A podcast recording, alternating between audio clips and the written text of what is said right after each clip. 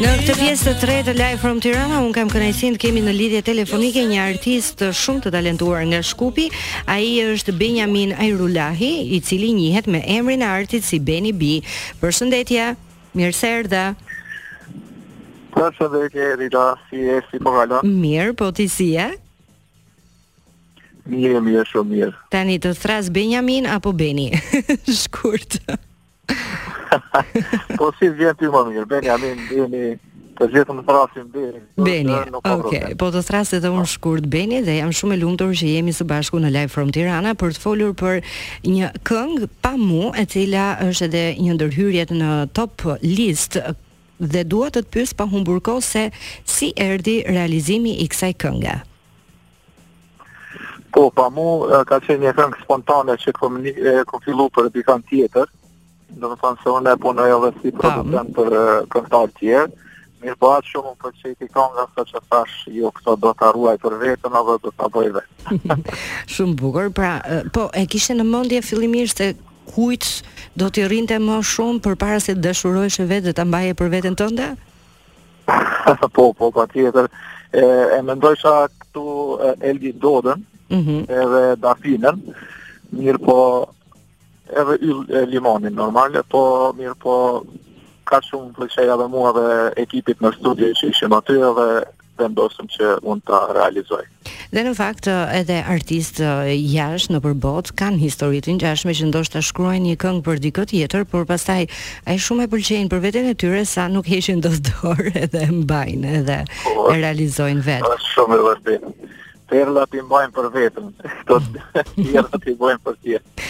Tani, Beni, duke qenë se je këngëtar, producent, kantautor, je inxhinier, um, tingulli quhet, e kam të, të saktë si term? Po, Inxhinier Zëri. Zëri, okay. Ëm um, sa e vështirë jam pak kureshtare të di për këtë procesin e krijimit, se si ndodh uh, nga fillimi deri në fund të krijosh një këngë dhe aq më tepër pastaj kur dashurohesh dhe e mban për vete. Po sa e vështirë është nga e merr spunton për ta nisur një tekst apo muzikën e saj? është ndonjëherë është një proces shumë i lehtë nëse vjen natyrshëm, domethënë vjen inspirimi aty për aty edhe mbarohet kanga mbrenda gjysë ore ose një ore. Po mhm. ka dhe disa raste ku, ku shkon edhe deri në një javë, dy javë, deri ta mbarojsh kongën, se nuk e ke atë inspirim që i nevojitet, domethënë kanë.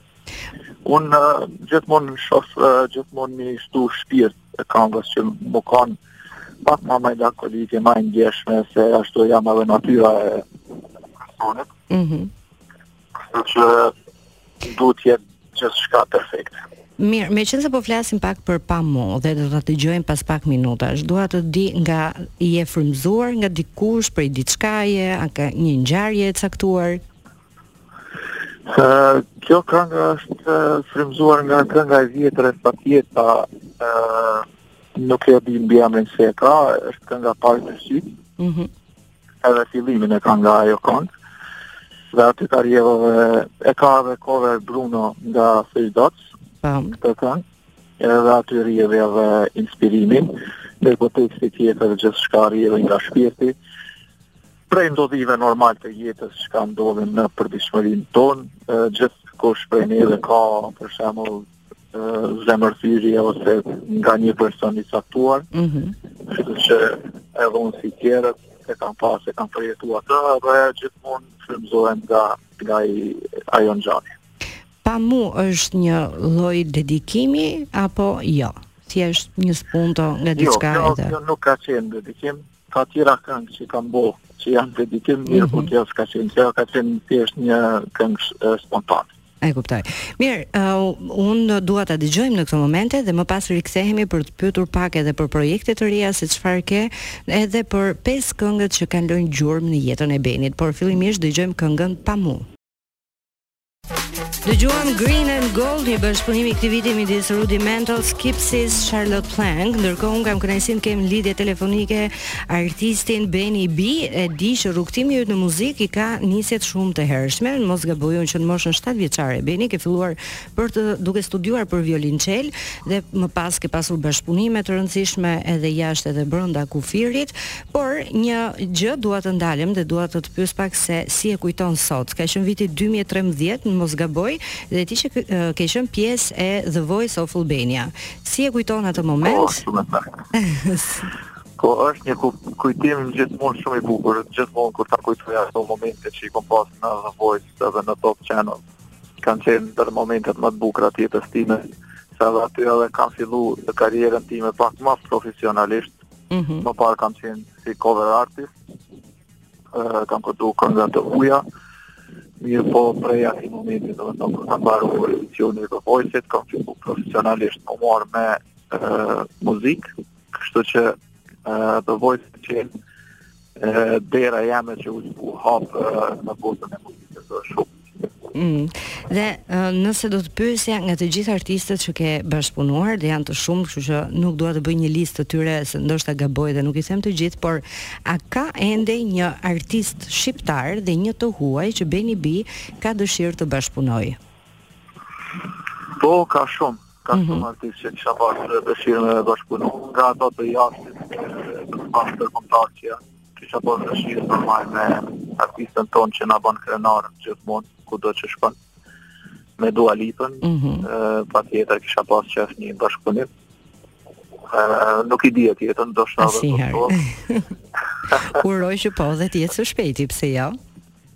Po, po, dhe nga estrada jonë shqiptare, dhe të po, shumë artist të talentum që janë, mirëpo, kisha pas dëshirë ta riktheja në muzikë edhe kolegun tim dhe shokun tim të afërt që jemi kanë shumë vite, mirëpo tani e kemi shkëput pak kontaktin, është Alban Ramosaj, mm -hmm. gjithashtu kemi qenë edhe bashkë në The Voice, Kemi pas një shoqëri shumë të mirë. Kështu që pse jo? Uroj që t'i kesh. Tani do ta nisim pak me këngët që kanë lënë gjurmë në jetën tënde dhe mua më pëlqeu shumë përzgjedhja e parë nga Goo Goo Dolls është këngë e realizuar në mos gaboj 1998-ën Iris. Pse kjo zgjedhje dhe çfarë gjurmë ka lënë kjo këngë në jetën tënde? Uh, po Iris nga Goo Goo Dolls është kënga ime e preferuar, domethënë gjithmonë është në top 1 uh, nga përzgjedhjet e mia. Mm -hmm. uh, dhe është koveri i parë që e kam bo ose e kam këndu ndonjëherë në jetën tem. Vërtet? Ka qenë uh, po, në shkollë të muzikës që e kam këndu këtë këngë. Mm -hmm. Me kitarë ka qenë hera jeme e parë që e këndoj. Edhe u mblodhën aty e gjitha klasa dhe atëherë e bashkë me thanë që din të këndosh, domethënë s'e kem pas ide më parë. Mm -hmm. Tani, unë më pëlqen, nuk e di ti, por mua më pëlqen shumë sfidat. Je njeri që të pëlqen sfidat? Po, po, patjetër. Nëse s'ka sfida, nuk është jeta interesante. Tani pse e thashë këtë? Do bëjmë një provë së bashku, është e vështirë sepse je larg, je me telefon, po meqenëse kjo këngë ka qenë kënga e parë cover që ti ke realizuar përpara një publiku, mund të improvizojmë diçka live së bashku përpara se ta dëgjojmë atë? Po, patjetër. Okej, okay, Wizi e ulin bazën.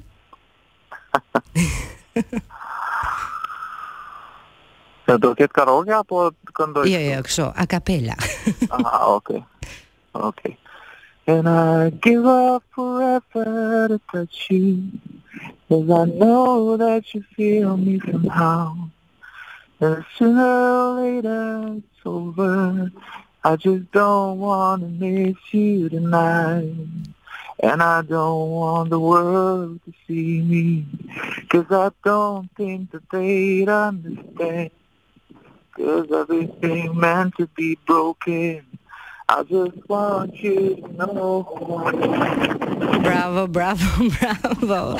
Komplimenta edhe pse me kushte jo aq të përshtatshme. Po, po, po, Por ia dole me sukses. Mirë, do qëndrosh në linjë, të lutem, ne do kujtojmë pikërisht këtë këngë nga Goo Goo Dolls. Baby, jam kurështare të di, nëse fansat e tu duhet të mbajnë mend vetëm një gjë prej teje, çfarë do të doje ti që të ishte? Ah, kjo pyetje është shumë e bukur. Ë, uh, po do kisha thënë të mbajnë mend si këngëtar me vlera. Ajo hmm. është edhe qëllimi jem gjithmonë. Bukur, më pëlqeu shumë përgjigja. Mirë, edhe një gjë tjetër. Nëse le të mendojmë tani, futemi pak në një botë fantazie. Nëse ti do të mhm. ishe një instrument muzikor, çfarë do të ishe mhm. dhe pse? Po, edhe kjo shumë pyetje e mirë.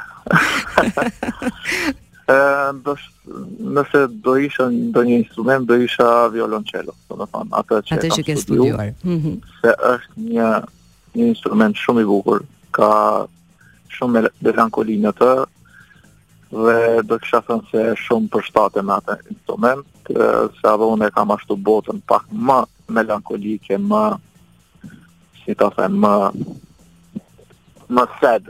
Mm. Më, edhe më të thellë ndoshta.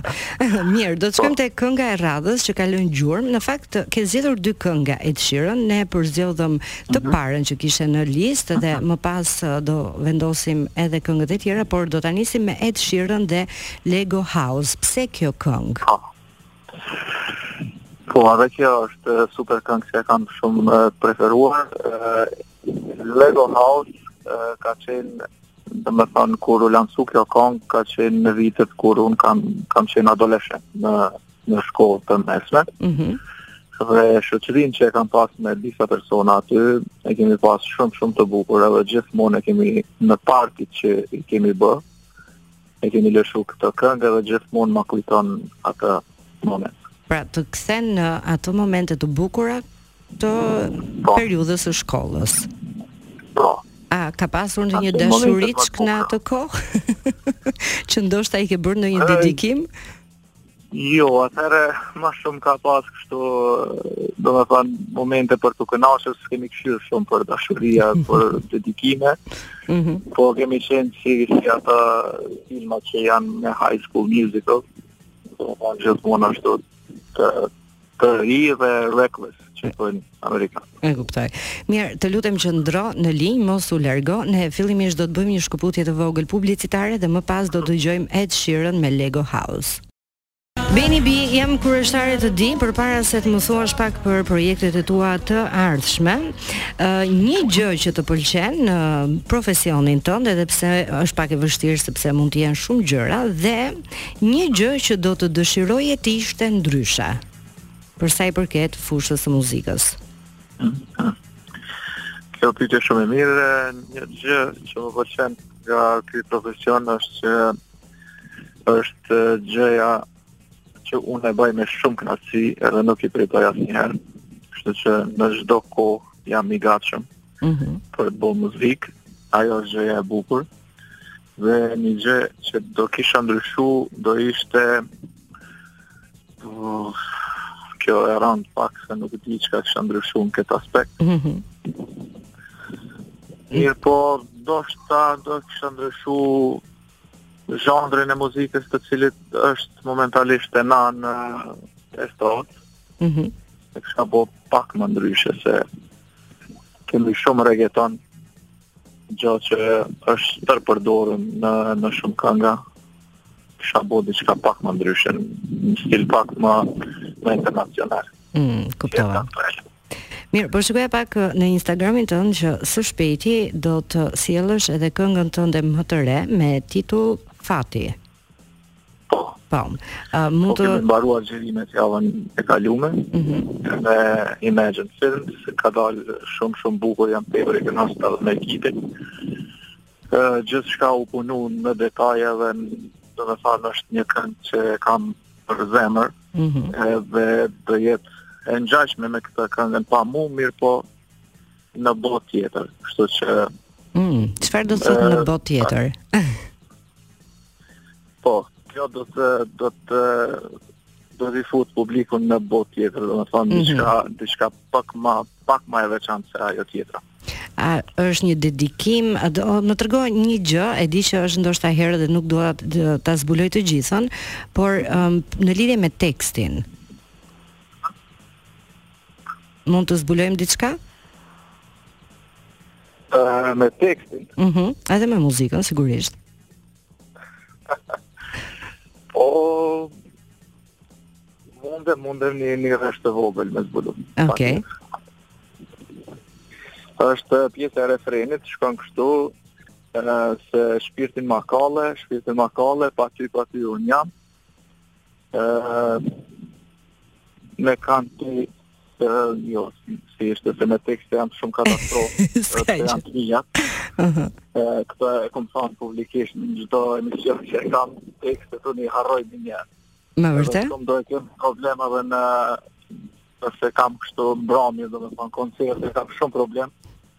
nëse nuk kam diçka përpara me pa tekstin. E kuptoj. Qoftë ai teksti jem apo një këngë e huaj. Pra, të, ke probleme me kujtesën, por ti nuk je i vetëmi.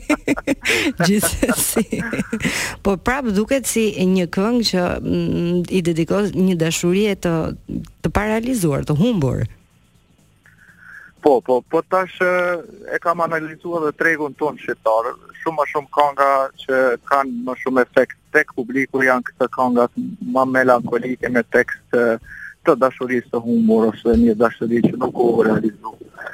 Ë, domethënë Po se gjejnë veten, gjejnë veten pikërisht të po, gjithë ata që kanë një një problem dashurie. Mirë, do të shkojmë tek një këngë që është pjesë e këngëve që kanë lënë gjurmë në jetën tënde. Ne kemi përmendur disa, por jam e bindur që ka edhe shumë të tjera. Po shkoj tani tek Sam Smith me Fire on Fire. Më trego pak shkurtimisht pse kjo zgjedhje dhe çfarë gjurmë ka lënë në jetën tënde. Po, kjo e kom zgjedh këtë këngë se është një këngë shumë mirë nga artisti shumë shumë i mirë. Mhm. Mm Tani këto këngë të fundit që i ka bo nuk është që jam shumë fans i tij.